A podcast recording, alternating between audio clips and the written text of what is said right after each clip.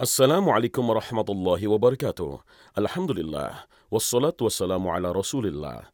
Sahabat khazanah, kali ini kita kembali mentadaburi ayat suci Al-Quran dalam surat Al-Zalzalah.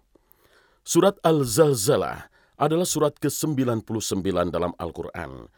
Surat ini terdiri dari delapan ayat dan termasuk ke dalam surat Makkiyah menurut jumhur ulama' Namun ada ulama tafsir seperti Syekh Wahbah Zuhaili yang berpendapat bahwa surat ini turun setelah Rasulullah hijrah ke Madinah hingga termasuk golongan surat Madaniyah. Banyak sahabat yang menamakan surat ini dengan nama Idza Zulzilat dan ada juga yang menamakan dengan Al-Zilzal. Sebab turunnya surat ini menurut Syekh Wahbah Az-Zuhaili dalam tafsir Al-Munir bahwa orang-orang kafir bertanya tentang hari kiamat dan hari perhitungan. Kemudian Allah Subhanahu wa taala menurunkan surat ini menjelaskan kepada mereka tentang tanda-tanda hari kiamat agar mereka mengetahui bahwa hari kiamat itu hanya Allah yang tahu kapan datangnya. Allah taala berfirman, "Idza zulzilatil ardu zilzalaha wa akhrajatil ardu athqalaha wa qala al-insanu ma laha." Apabila bumi digoncangkan dengan goncangan yang dahsyat, dan bumi telah mengeluarkan beban-beban berat yang dikandungnya, dan manusia bertanya, mengapa bumi menjadi begini?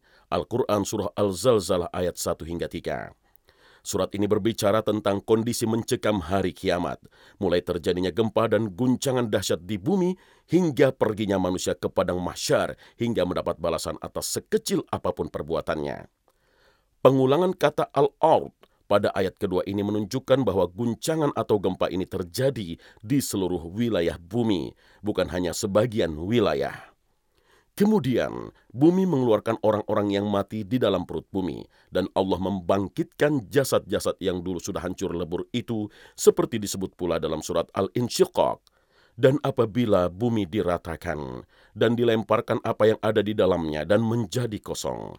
Al-Quran Surah Al-Insyiqaq ayat 3 hingga 4. Sayyid Qutub dalam tafsir Fi Zilalil Quran menjelaskan, hari itu adalah hari kiamat. Bumi bergetar dan berguncang dengan sekeras-kerasnya, sehingga apa yang terkandung di dalamnya termuntahkan seluruhnya. Baik yang berupa jasad-jasad berbagai makhluk maupun barang tambang.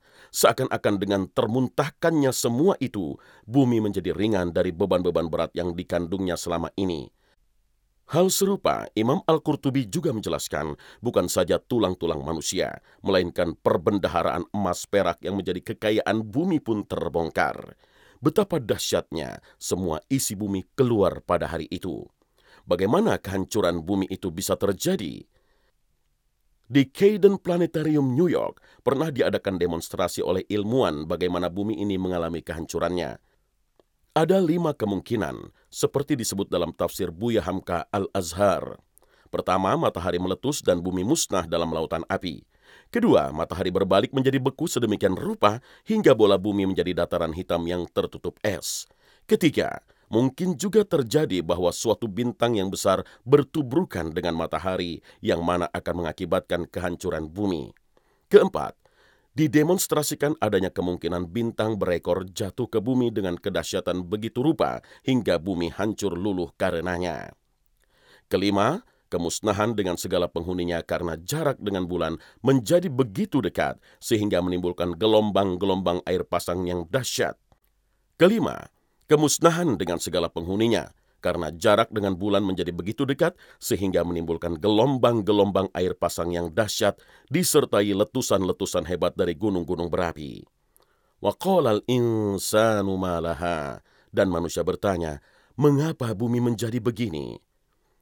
Yauma idzin tuhadditsu akhbaraha bi anna rabbaka awhalaha pada hari itu bumi menceritakan beritanya, karena sesungguhnya Robmu telah memerintahkan yang sedemikian itu kepadanya. Pada hari itu, bumi menjadi saksi bagi setiap orang yang telah beramal selama hidup di muka bumi. Ibnu Qayyim berkata, Orang yang senantiasa berzikir di jalan, di rumah, di lahan yang hijau, ketika safar, atau di berbagai tempat, itu akan membuatnya mendapatkan banyak saksi di hari kiamat. Karena tempat-tempat tadi, semisal gunung dan tanah, akan menjadi saksi baginya di hari kiamat. Dalam tafsirnya, Buya Hamka juga menjelaskan, di hari itu bumi itu sendiri akan menceritakan sendiri kabar berita tentang dirinya, yaitu meskipun bukan bumi berkata dengan lidah, tetapi keadaan yang telah terjadi itu yang kian lama kian hebat, dahsyat dan menakutkan, telah menjawab sendiri pertanyaan yang timbul di hati manusia, yaitu bahwa inilah permulaan hari kiamat. Dunia lama mulai dihancurkan dan zaman akhirat telah mulai datang bahwa Tuhan engkau telah memerintahkannya, artinya bahwa segala yang tengah terjadi itu adalah suatu ketentuan yang pasti dari Allah. Qadar yang telah ditentukan atau ajal yang telah sampai pada waktunya. Bilangan dunia sudah sampai. Pada hari kiamat, manusia dikeluarkan dari bumi dalam keadaan beraneka ragam. Ada yang dinampakkan kebaikannya, dan ada pula yang dinampakkan kejelekannya. Kemudian mereka akan melihat balasannya. Inilah hari yang maha dahsyat, tidak ada seorang pun yang menghindarinya. Lalu bagaimana kiranya cara kita menghadapinya? Insya Allah kita lanjutkan dalam kajian berikutnya. Wassalamualaikum warahmatullahi wabarakatuh.